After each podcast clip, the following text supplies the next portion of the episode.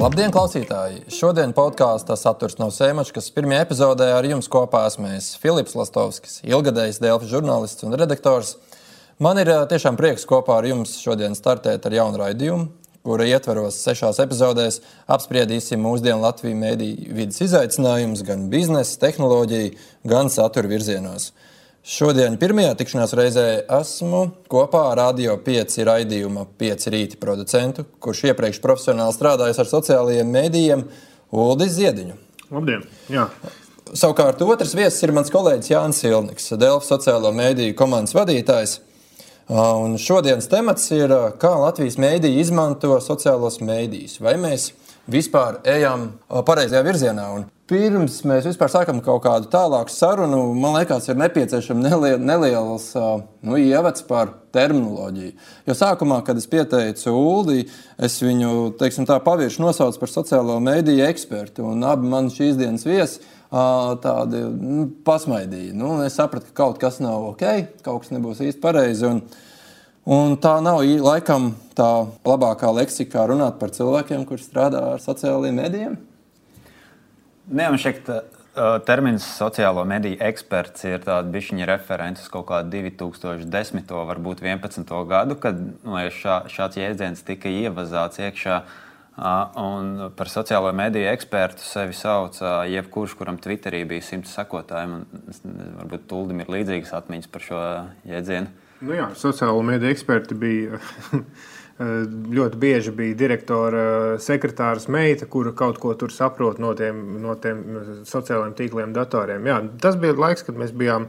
Visi bija bērni autiņos, un, un eh, sociālā, sociālā tīkli bija kaut kas jauns, sajūsma raisošs. Tāda, uh, svētā govs, un līdz ar to katrs, kurš tajā orientējās, bija eksperts. Un tas, man liekas, arī ļoti labi ievada to mūsu sarunu, jo no kaut kā tāda īpaši izdalāma sociālajā medijā, kā kaut kas unikāls un bezmazliet atsevišķa nozara, tas ir kļuvis, manuprāt, tas ir kļuvis par vienkārši ikdienā izmantojamu instrumentu. Ne, tā kļuvusi pilnībā par tādu pamata lietu, jo kaut kā diezgan ilgu laiku sociālajiem medijiem atsaucās kā uz jaunu lietu, kaut ko mistisku. Uh, Bet šobrīd man šķiet, ka tā ir vienkārši pilnīgi normāla ikdienas sastāvdaļa. Un tieši tas, ko Ulas arī teica, ka bija laiks, kad uh, tas jaunietis, kurš kaut ko saprot no datoriem, bija sociālo mediju eksperts pilnīgi katrā otrajā uzņēmumā. Un tad, uh, jā, tagad tā pamazām ir kļuvusi par tādu īstu profesiju, bet uh, termins ir palicis aizvien tādā. Es zinu, ka tā ir kļuvusi par īstu profesiju, un tā ir gan sabiedriskajos mēdījos, kas ir īpaši pēdējo piecu gadu laikā īpaši pielikuši pūles, lai uzlabotu tieši, tieši performanci sociālajos mēdījos, un arī Delfos tā ir.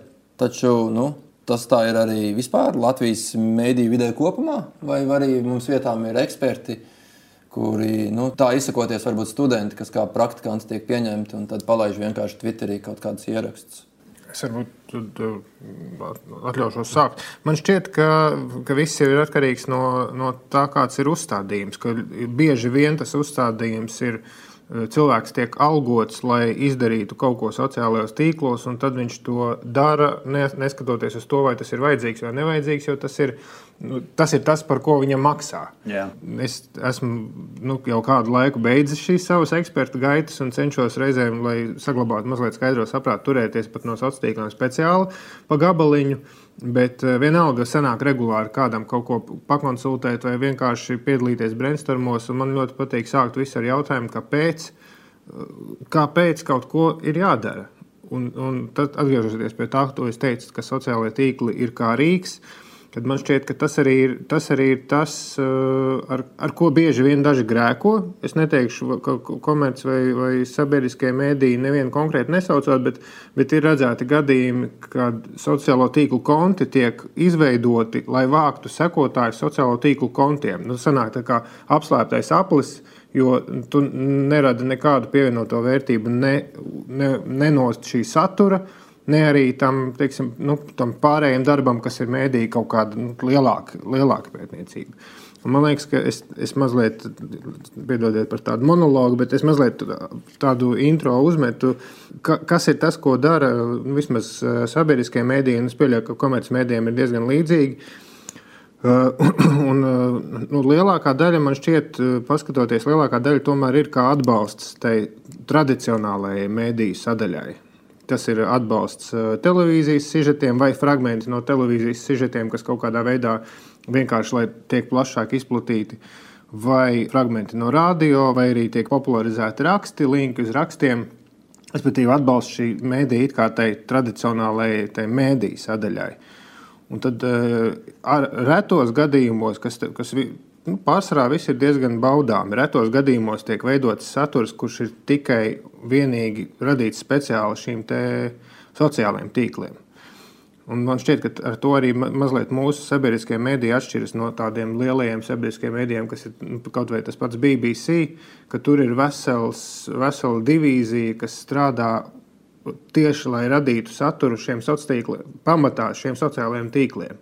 Nevis, lai tur liktu saturu no tā tradicionālā mēdīja vai kaut kādā veidā atbalstītu. Tas man šķiet, ka mums mazliet vēl pietrūkst. Ir izņēmumi, bet tie ir reti atsevišķi kaut kādu ierakstu veidā, nevis kā tādas speciāli departamenti, kas uz to strādā. Es piekrītu gandrīz visam, jā, ko Ulrichs saka. Tā tiešām ir. Un, bet tā ir arī tā nedaudz tā paradigmas maiņa, kas pamazām, kad tas medijos ir, ir vērojama, ka tā atbalsta funkcija viņa nu, atsevišķos gadījumos tie mēdījiem paliek aizvien mazāk patiesībā, jo ir tie, kur aizvien vairāk strādā ar tiem mēdījiem, sociālajiem tīkliem, aizvien vairāk iedziļinās tajā. Viņi saprot, ka patiesībā tu vari no, var no tā sociālā tīkla dabūt ārā daudz vairāk, un tad pamazām, pamazām sāc shiftot to uh, to uzsvaru, kas ir tas primārais mērķis no tiem sociālajiem tīkliem, kāpēc tu to dari. Un Latvijā mums tam ir, piekrīt, ir labie piemēri, un ir arī piemēri, kas vienkārši stagnē, un ir piemēri, kas ir iesākuši labi un beiguši slikti. Okay. Uh, Skots Klimbergs, sociālo mediju komandu vadītājs ASV, tostarp Chicago tribūnu, un uh, viņš arī Ņujorkā strādājis ar vairākiem mēdījiem un sociālo mediju komandām. Uh, Viņš atceroties par savu darbu 2000. gados, teica, ka viņš regulāri saskārās ar situāciju, ka viņš strādā mēdījā, nu, ir šajā sociālajā mediju komandā, bet nu, žurnālisti viņu uztver kā nu, viņa darbu kā tādu mambo, jumbo, kaut kādu jokošanos, kur tu Nu, nu tas jau īsti nav nopietni, ko tu tur dari. Ej, ej, ej un izklaidējies ar savu Facebook un Twitter. Un, nu.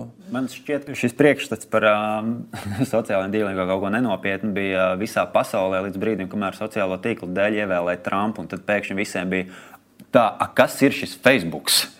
Kāpēc?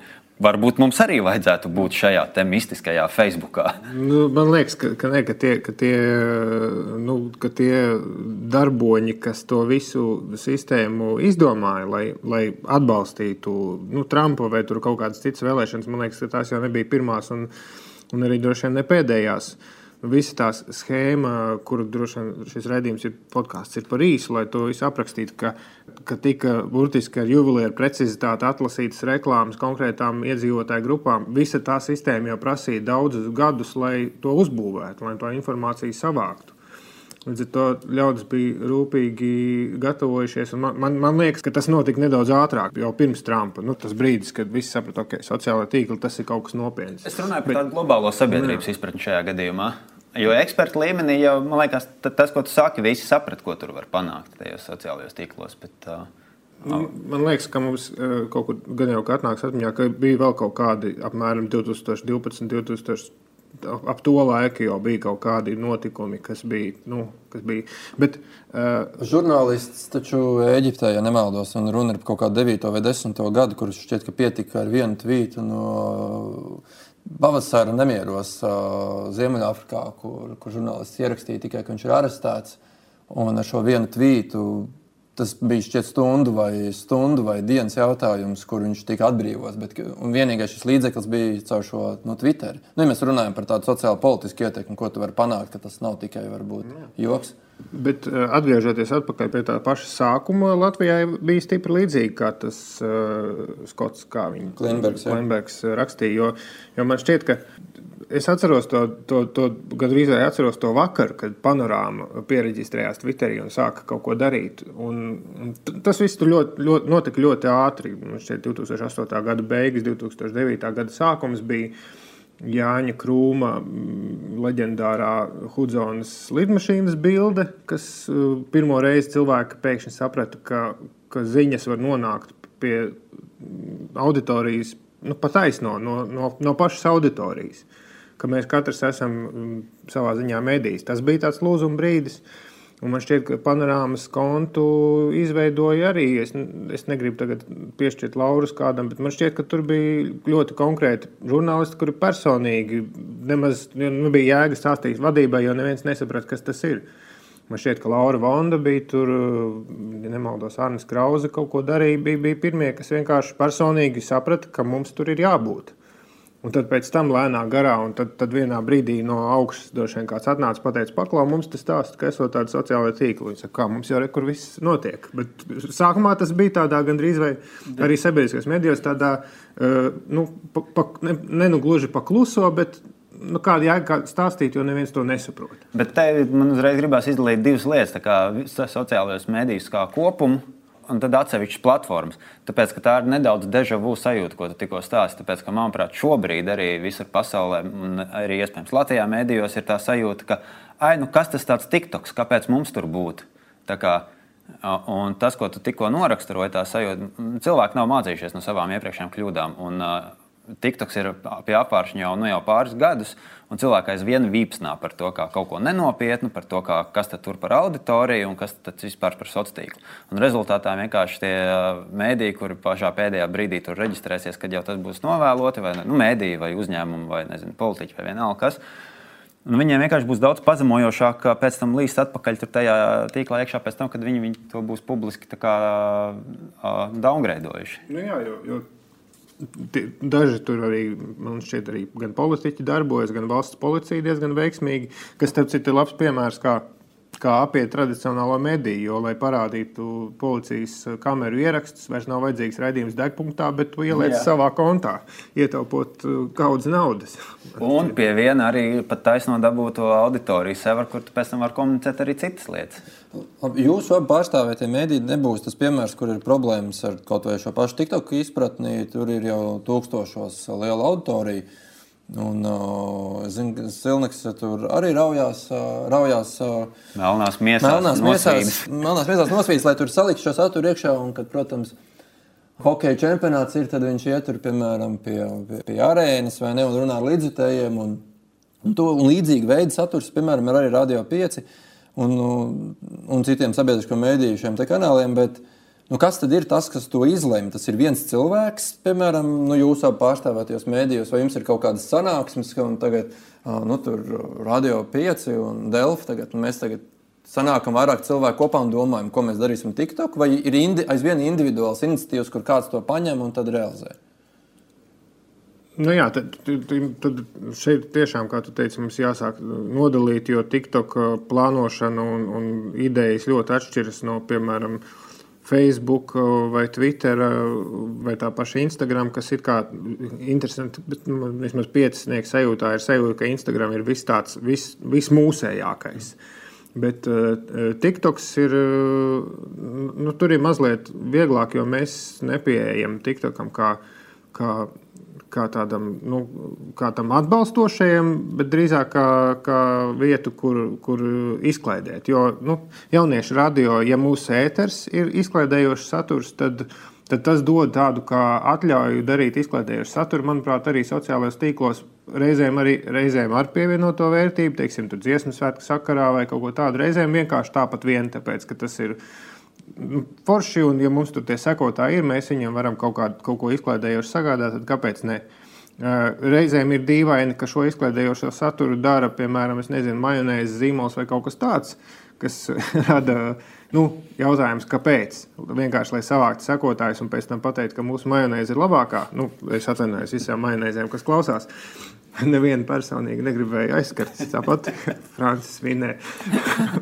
Bet, Bet, eh, jā, reizē tas ir dīvaini, bet man liekas, ka piec, pieciniekam tiktu kā nav, nav īpaši jātaisnojas, kāpēc mēs tur darām reizēm pilnīgi sviestu.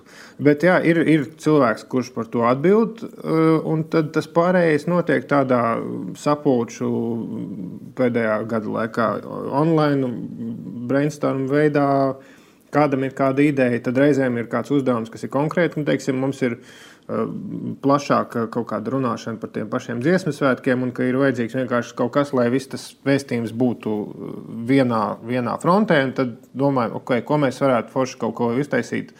Kas varbūt ka kaut kā iesaista vēl citus uh, sekotājus vai lietotājus. Nu, tas ir tāds komandas darbs, kuram ir viens cilvēks, kurš par to atbild. Kur...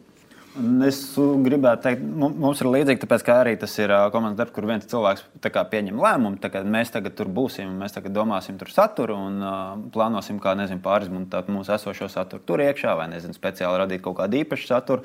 No, mūsu no īpašā satura gribētu uzsvērt to, ka mums, piemēram, bija uh, reportieris uh, Tokijas Olimpiskajās spēlēs, uh, kur taisīja video blogu, kas mums gāja tikai TikTokā. Un, uh, tas nebija nezinu, amizantais, saprātīgais saturs, kur mūzikas pavadījumā kāds muļķīgi dejo. Tas bija normāls reportāžu saturs no Olimpijas. Un, uh, kā izrādās, arī TikTok platformā ļoti patīk tādu saturu patērēt, un rezultāti bija labi.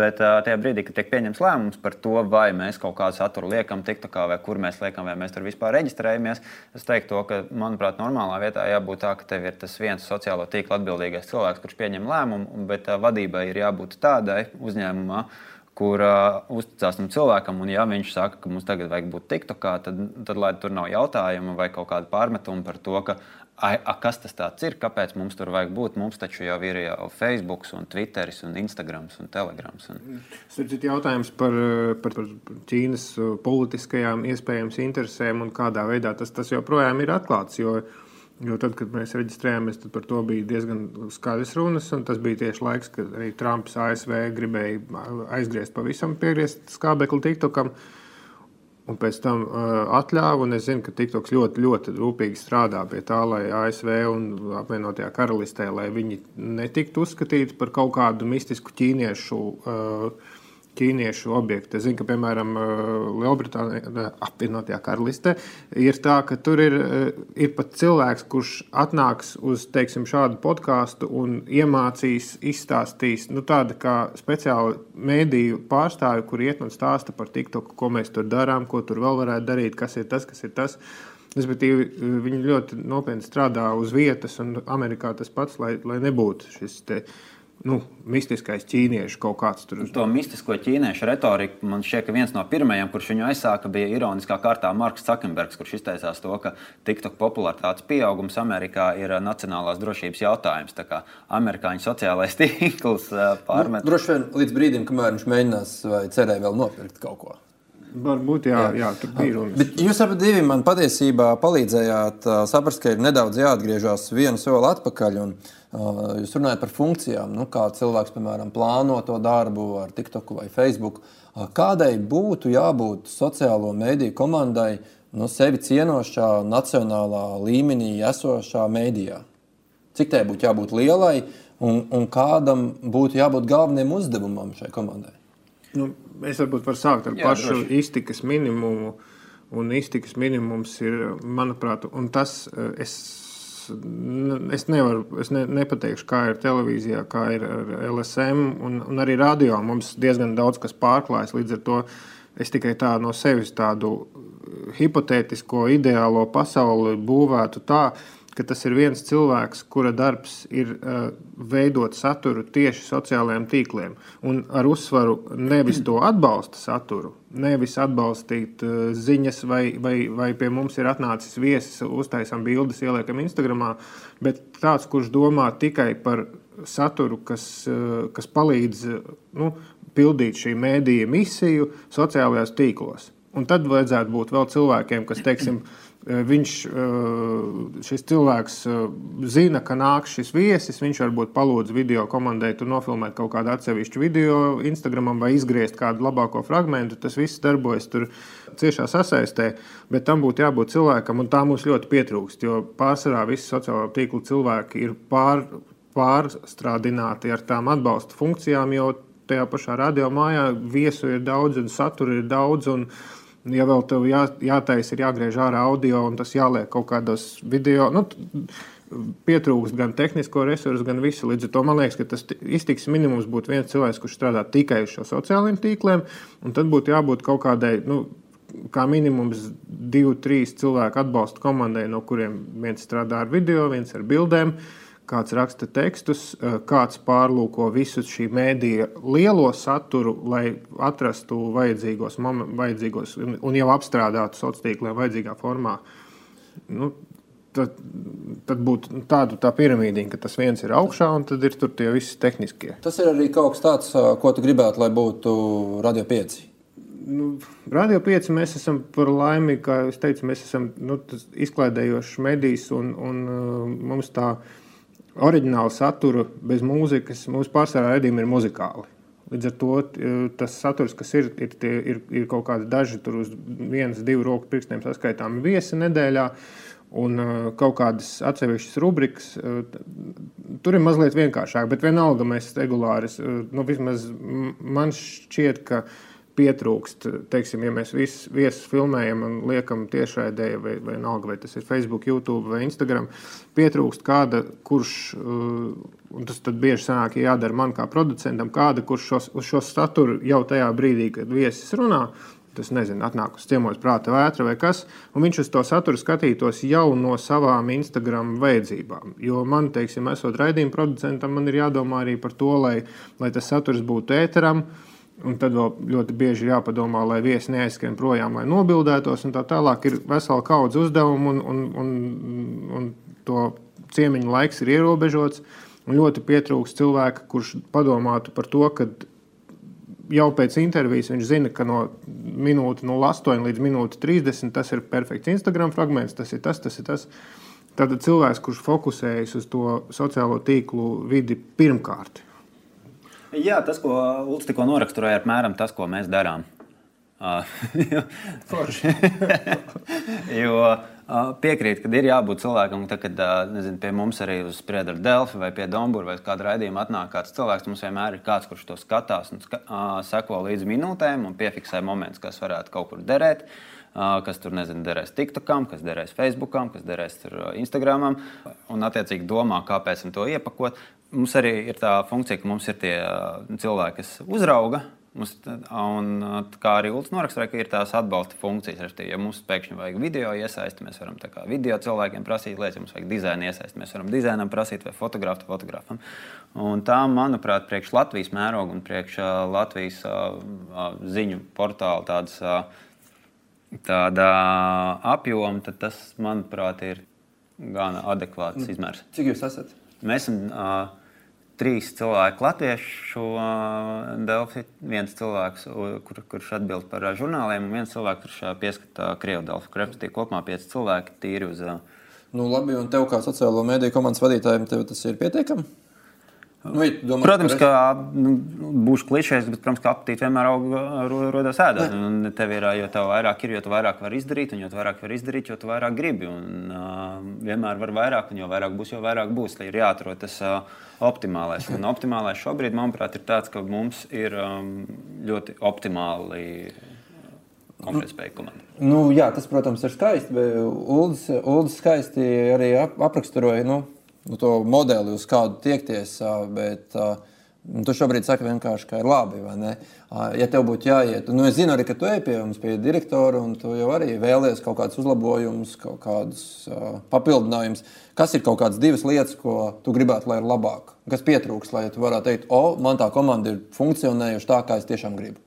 Nu, es, ja man tagad būtu jā, jā, jāizvēlās viena, divas lietas, ko es arī gribētu, Tad es gribētu uh, vienu uh, video operatoru, slīpsvītru montētāju, kas strādātu tikai uz sociālajiem tīkliem, un uh, vienu dizaineru, kas būtu, līdz ar to tas būtu tas papildinājums, ka, ka paņemt kaut kādas lietas, kuras mēs prasām citiem cilvēkiem.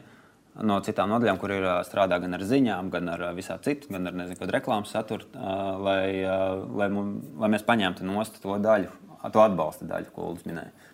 Atgriežoties patiesībā pie vēl vienas lietas, ko Ulrichs minēja par nu, pārsvarā arī Latvijā mēdī, kad mēs saņemam.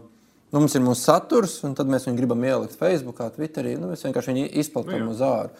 Uh, Amerikas Preses institūts, tas gan ir 17. gada pētījums, aptaujāja uh, 56 uh, redakcijas uh, štatos. nu, vērtējot, ko viņu sociālo mediju komandas dara. Un absolūtā vairākumā tas galvenais uzdevums bija nu, tas, ko mēs tikko teicām, vienkārši principā, ielikt tīklo saturu, dabūt atpakaļ klikšķi, sasniegt auditoriju. Mm. Uh, nu, es to nesaku ar kaut kādu nosodošu konotāciju, vai kā. Nu, tas ir vienkārši tehnisks uzdevums. Nu, vai tas ir tas, kas arī ir šis sociālo mēdīju galvenais komandu uzdevums, vai tur nepietrūkst kaut kāda šī ar auditoriju komunikācijas daļa, šī miedarbība ar auditoriju un, un nu, kā angļuiski saka, engagements. Vai arī tas ir fini, ka, nu, es atvainojos, nevis fini vai ne, bet nu, pieņemami, ka mēs jā, vienkārši vācam auditoriju. Paldies, ka jūs ļāvāt man teikt fini. Es novērtēju, bet nu jā, vai, tas ir, vai tas ir normāli, ka tas galvenais uzdevums ir vienkārši sasniegt auditoriju un, un piekļūt viņai, vai arī tur kaut kas trūkst? Varbūt varu mēģināt ļoti, ļoti gudri atbildēt, īsti nepasakot neko, jo es galvā domāju, atbildu un, un apgāju ap, veselu apli un apstājos turpat, kur sāku. Jo e, no vienas puses e, man šķiet, ka tas mazliet iznieko iespējas tas sociālajos tīklos izskatās neinteresanti. Ja, ja tam nepiešķir klāt kaut kādu vēl, tā kā tu minēji, kaut kādus atsevišķus grafiskus elementus vai, vai izņemti ārā labākie citāti, kas tomēr arī prasa laiku visu izlasīt un, un varbūt mazliet saīsināt. Un, un kā mūsdienās tas, tas tvīta izmēra, vienalga vai tas ir Facebook vai Instagram vai kur, bet tas, tas tvīta izmēra raksta koncentrētais me, message, ja drīkst teikt, fine, tad es teikšu message. ir, ir tas, ka nu, tā ir tā galvenā valūta, uz to cilvēku uzspiedīs. Pēc tam raksts var būt lielisks, bet ja tev nebūs tas mazais, tas uh, skaistais, īsais virsrakstīns, tas viss prasa laiku.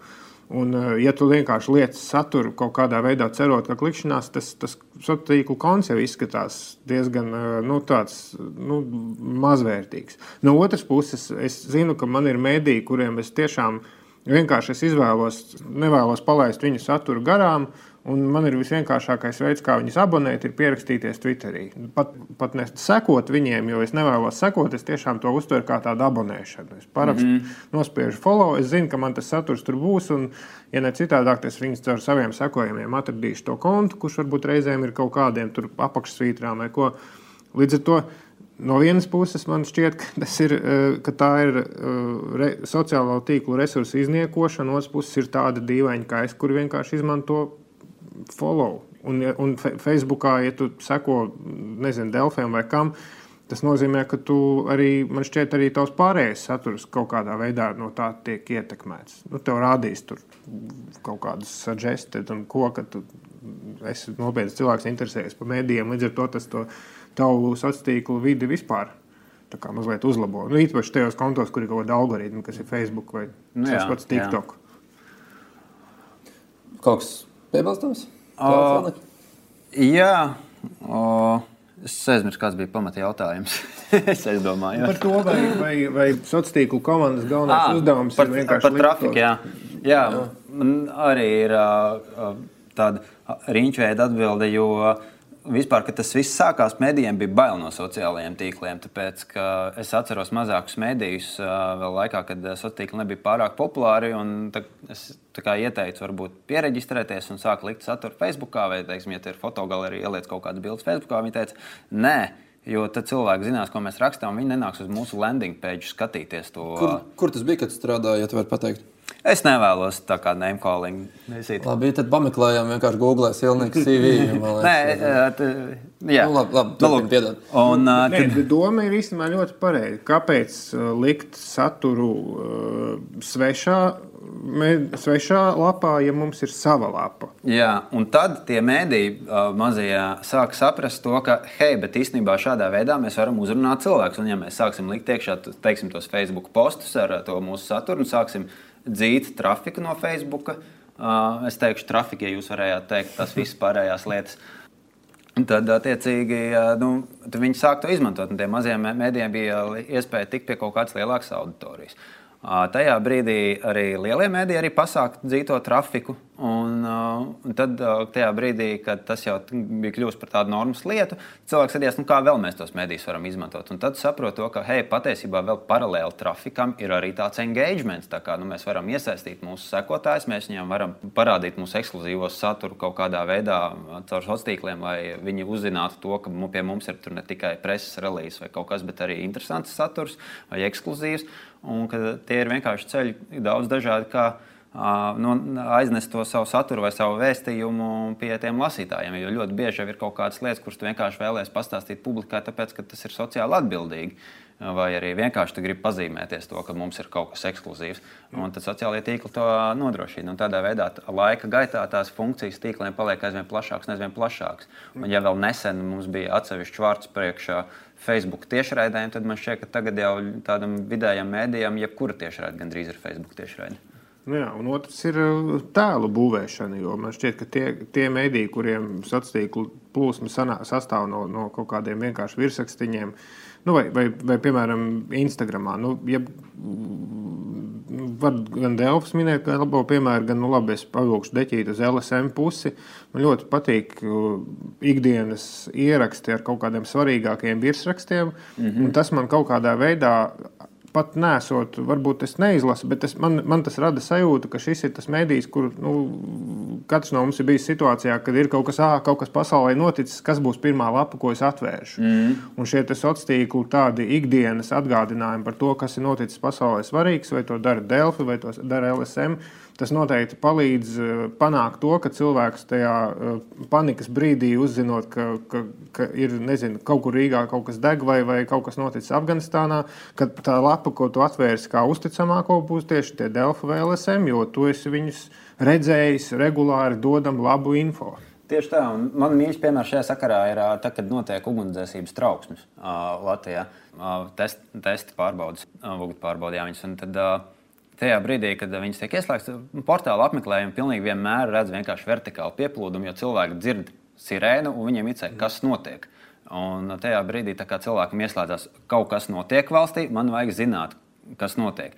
Un tad tas mēdījis, tad vajag panākt, lai tas cilvēks, kā, ja tu esi mēdījis sociālajā tīkla darbinieks, tev vajag panākt ilgtermiņā, lai tas cilvēks tajā brīdī, kad viņš dzird trauksmi, lai viņš grib atvērt tavējo mediju apstīties, jo viņš zina, ka tur būs. Un tādā garā, un caur sociāliem tīkliem un šo ilgo strādāšanu, piedāvājot interesantu saturu, kurš varbūt netie, netiešā veidā uh, popularizē tavu mēdīju, pilda to funkciju. Un vēl viens svarīgs moments ir ātrums. Jā. Jo tad, kad teiksim, kaut, nevar ātrumā izdomāt, atcerēties kādu piemēru, bet tad, kad ir kaut kas, nu, labi, trauksme, varbūt ne, jo to parasti zina iepriekš. Bet, uh, brīdī, kad ir kaut kas noticis, un es to ļoti bieži redzu no rīta radio, nu, ir teiksim, kaut kāds liels ugunsgrēks vai kaut kas, vai kaut kas tamlīdzīgs, un tad skaties, kurš portāls būs pirmais, jo pirmie parasti paziņo klausītāji uz vietas. Tad kāds kaut ko ieraksta sociālos tīklos, tad varbūt pieslēdzas Latvijas valsts ceļa vai ugunsdzēsēji ugunsdzēsēji, bet, bet tad ir ļoti interesanti arī pavērot, kuriem, kuriem mēdījiem ir tiešām šie dzīvie sociālo tīklu cilvēki, kuri, kuri pirmie kaut ko ieliek tur, un tas arī rada ilgtermiņā to uzticamību. Nu, jā. Uzreiz nāk prātā, nu jā, tie ir gan sabiedriskie mēdīji ar visiem saviem kanāliem, kas jums uh, ir, un tie ir Delfi, tas ir TVNet arī. Kas vēl ir šie Latvijas lielie mēdīji? Nu, nacionālām līmeņa mēdī tā varētu nosaukt, vai arī kaut kāda stipra reģionāla mēdī, kur ir šie te, kur ir dzīvie, kā tu saki. Vēl es kādu nenosaucu, vai arī nu, šie teiksim, trīs ir tie, kas to nodrošina? Jo... Nu, teiksim, Jauns LV arī nodrošina video tieši redz no dažādiem pasākumiem. Vienmēr kā kaut kur kaut kas notiek, vienmēr ir Jauns LV reportieris, kurš stāv un laiž.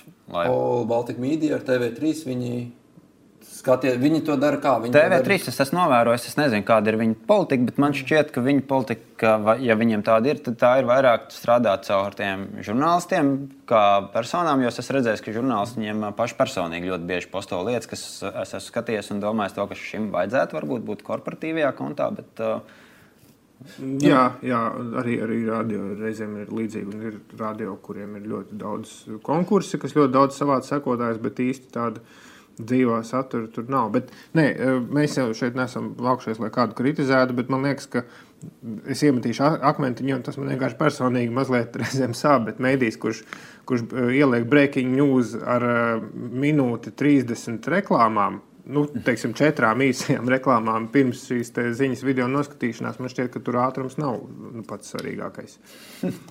Labi, es pārēšu pie nedaudz citu jautājumu par ambīcijām. Varbūt. Ja mēs skatāmies uz kaut vai uz jūsu pārstāvētiem mēdījiem, ja mēs salīdzinām ar to, ko mēs redzam nu, kaut vai vidē lieluma rietumu mēdījos, vai ASV, vai pat Eiropas Savienībā, nu, Labi, nevis ar vidēju, bet kaut vai ar lieliem, tur kaut vai ēruņos vai ar, ar, ar, ar piemēram, ar The Guardian. Mēs esam gaismas gada attālumā no viņu iespējām, vai mēs esam kaut kādā sasniedzamā attālumā?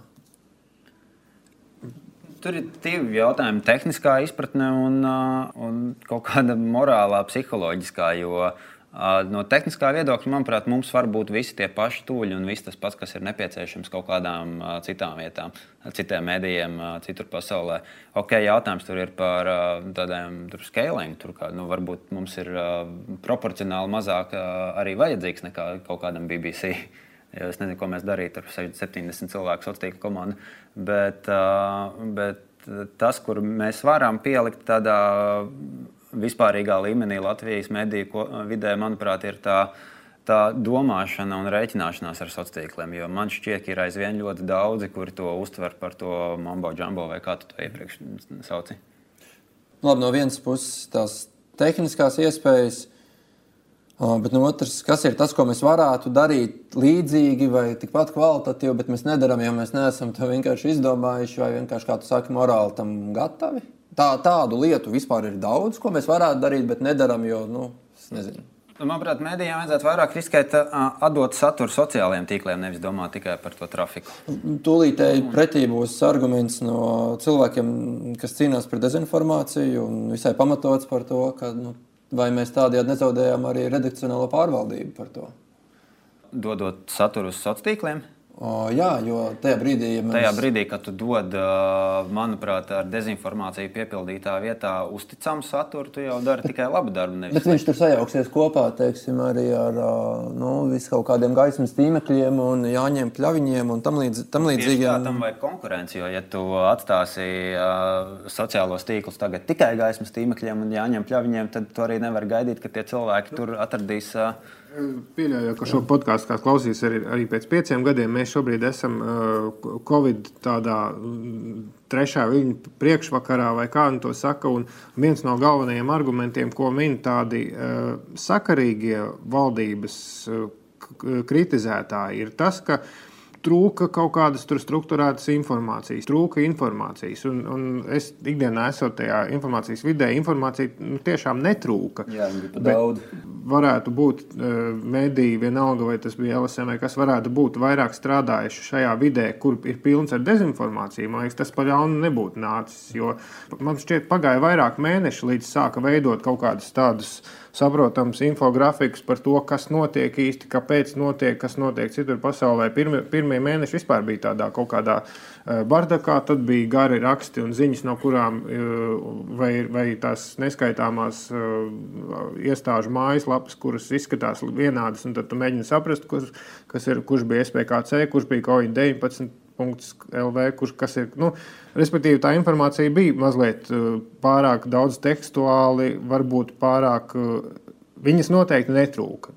Visu cieņu tiem, kas to darīja, informācijas netrūka. Bet, bet tas, ka šie vienkāršie hamburgeru veida sociālo tīklu bildītes ar kaut kādu dezinformāciju ir vieglāk cilvēkiem uztverams, tas gan. Tāpēc man liekas, ka ir tā ir vieta, kur darīt, un, un, un, un tur ir ko darīt. Un tāds interesants piemērs par, eh, par radio un par to, vai, vai atrašanās šajā vidē kaut kādā veidā nedegradēs.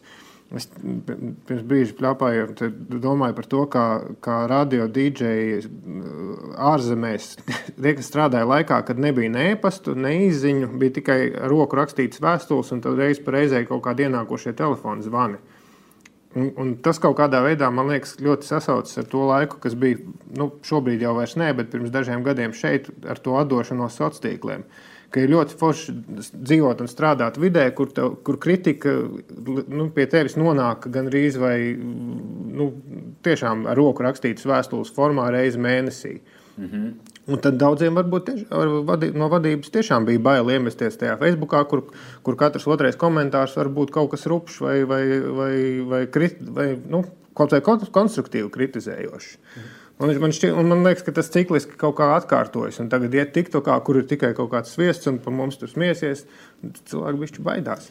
Dezinformācijai mums vispār būs veltīta atsevišķa mm, epizode.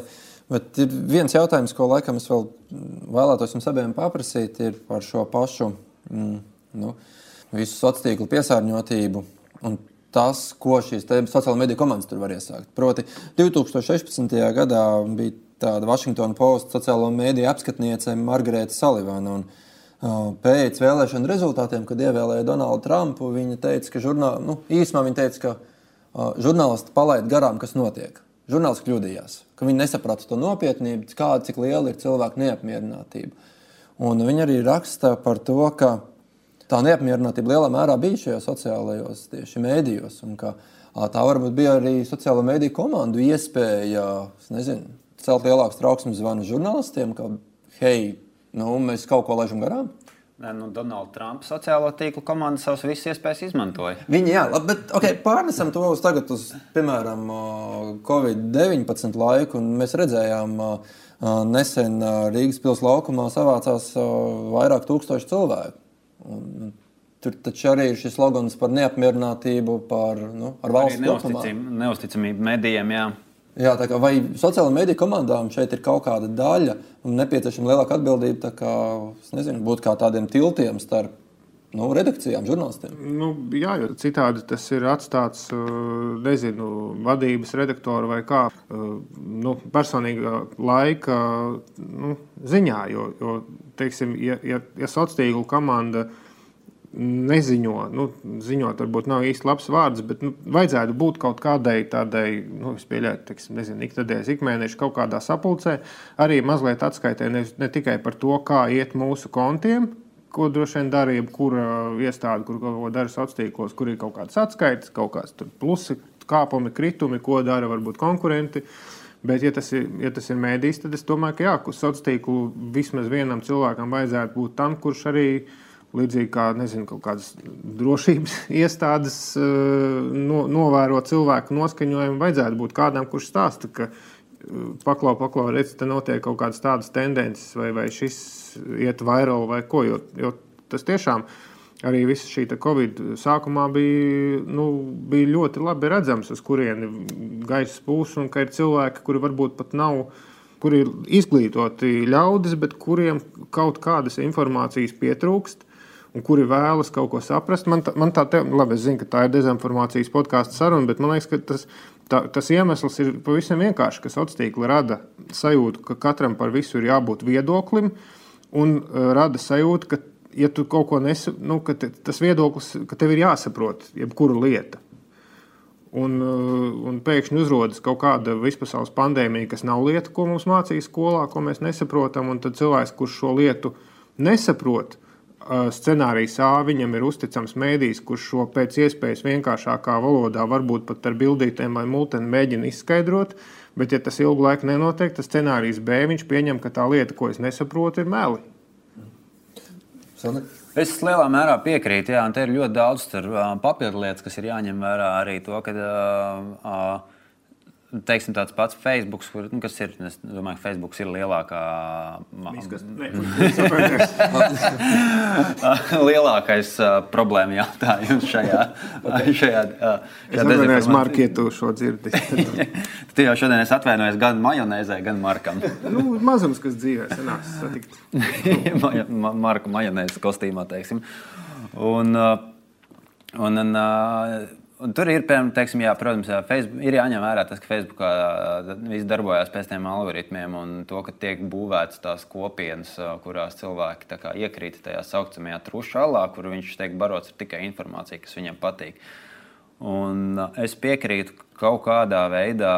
Ne, ne valdības līmenī, ne kaut kādā mediju līmenī netika veicināta tādu pozitīvo trūšu alu izveidi, kur cilvēki iekrīt tajā labajā informācijā, uzticamajā, viegli saprotamajā, un kuri tad attiecīgi veidot komunu ap sevi un būtu tā kā nu, pretējais tam, kas tur šobrīd valda.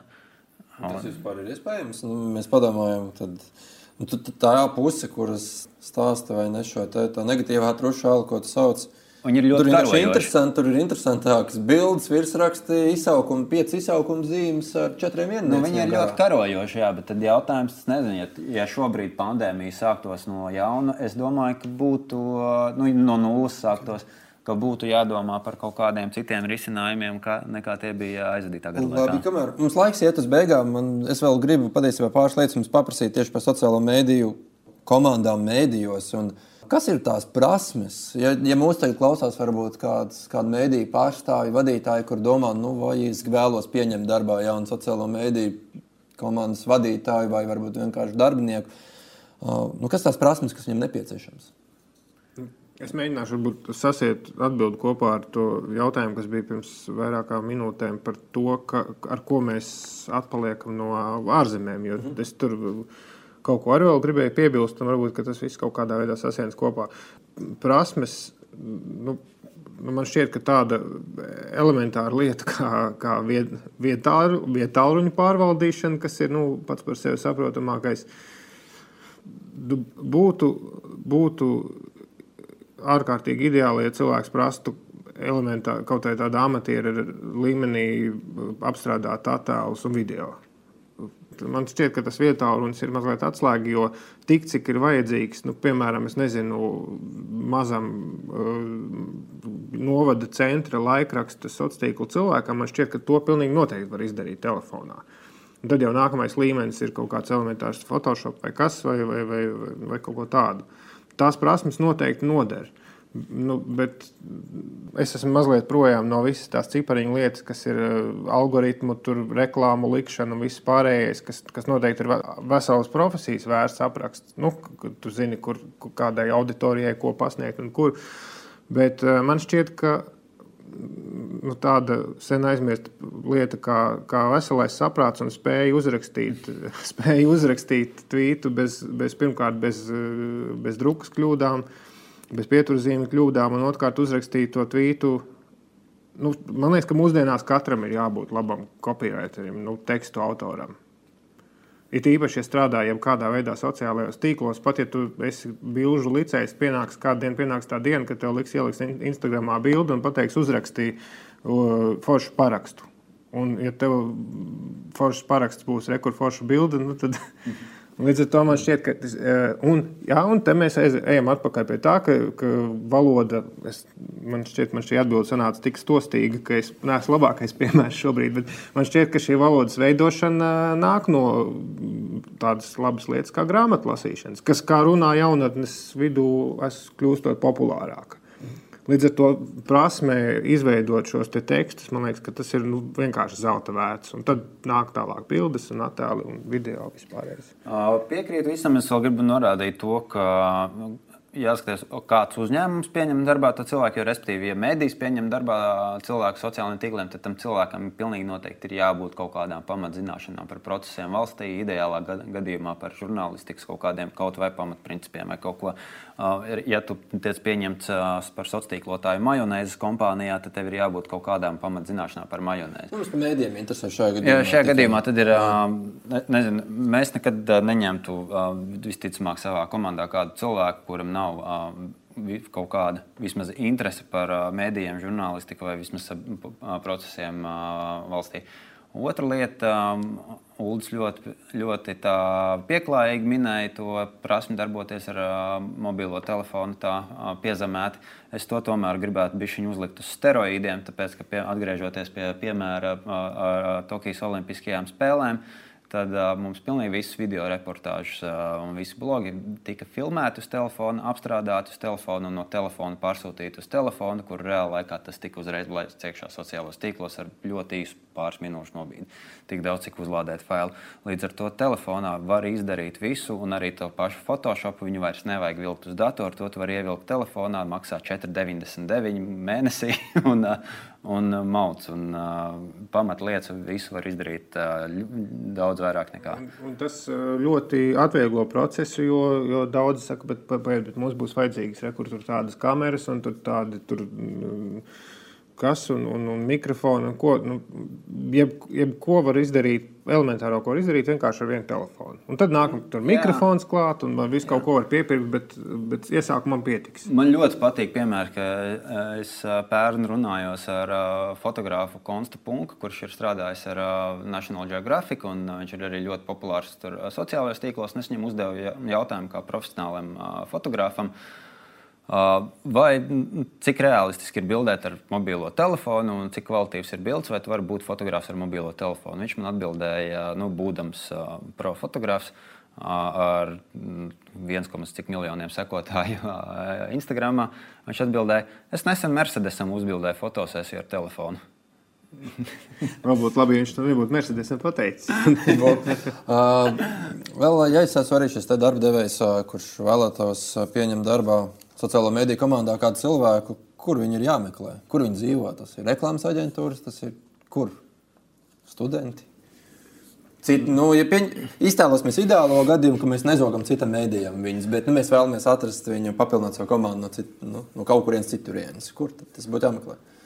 Man šķiet, pats, pats vienkāršākais un tuvākais ir kaut vai tavu ierakstu komentāros. Reizēm var kāds atrasties, kas ir kas nav uz mutes kritis. Otrs ir tas, ka jebkura, nu, par laimi, gan Latvija ir maza, gan mūsu sociālo tīklu vide ir maza. Arī, šeit arī pasaulē tas tomēr arī cilvēki ar miljoniem sekotāju kaut kā tos vērtīgos komentārus vai kaut ko pamana. Vai tam, vai tam jāsaka paldies, nezinu, Twitter algoritmam, kurš arī tajā Twitter aplikācijā kaut ko izceļ augšā. Nu, tur redzi cilvēkus, kuriem, kuriem ir viedoklis un kuri prot šo viedokli noformulēt. Un, un esot pašam aktīvam, ja, ja, tā, atbild, ja uzņēmums pat, ja neviens no uzņēmuma nav sociālajos tīklos, tad, kur meklēt sociālo tīklu cilvēkus, tad es teiktu, ka atrod kādu, kurš tur ir un, un ieliec sludinājumu. Nu, tas būtu vienkāršāk. Bet, bet man, man šķiet, ka visi, kas kaut nedaudz paši aktīvi darbojas, tā Latvijas vide ir tik maza, ka viņi ka privāti ierakstot, aizrakstot kādam, kurš ir aktīvs un kaut ko labi dara, paprasīt, vai tu negribi pastrādāt vai kaut ko tādu. Nu, Lielos vilcienos joprojām visi visus pazīst. Gandrīz, izņemot tos jocīgos kontus ar daudziem cipariņiem un karodziņiem. Es vienu tādu pazīstu. Vēl es piekabināšu atbildēju sociālo zinātņu fakultāti.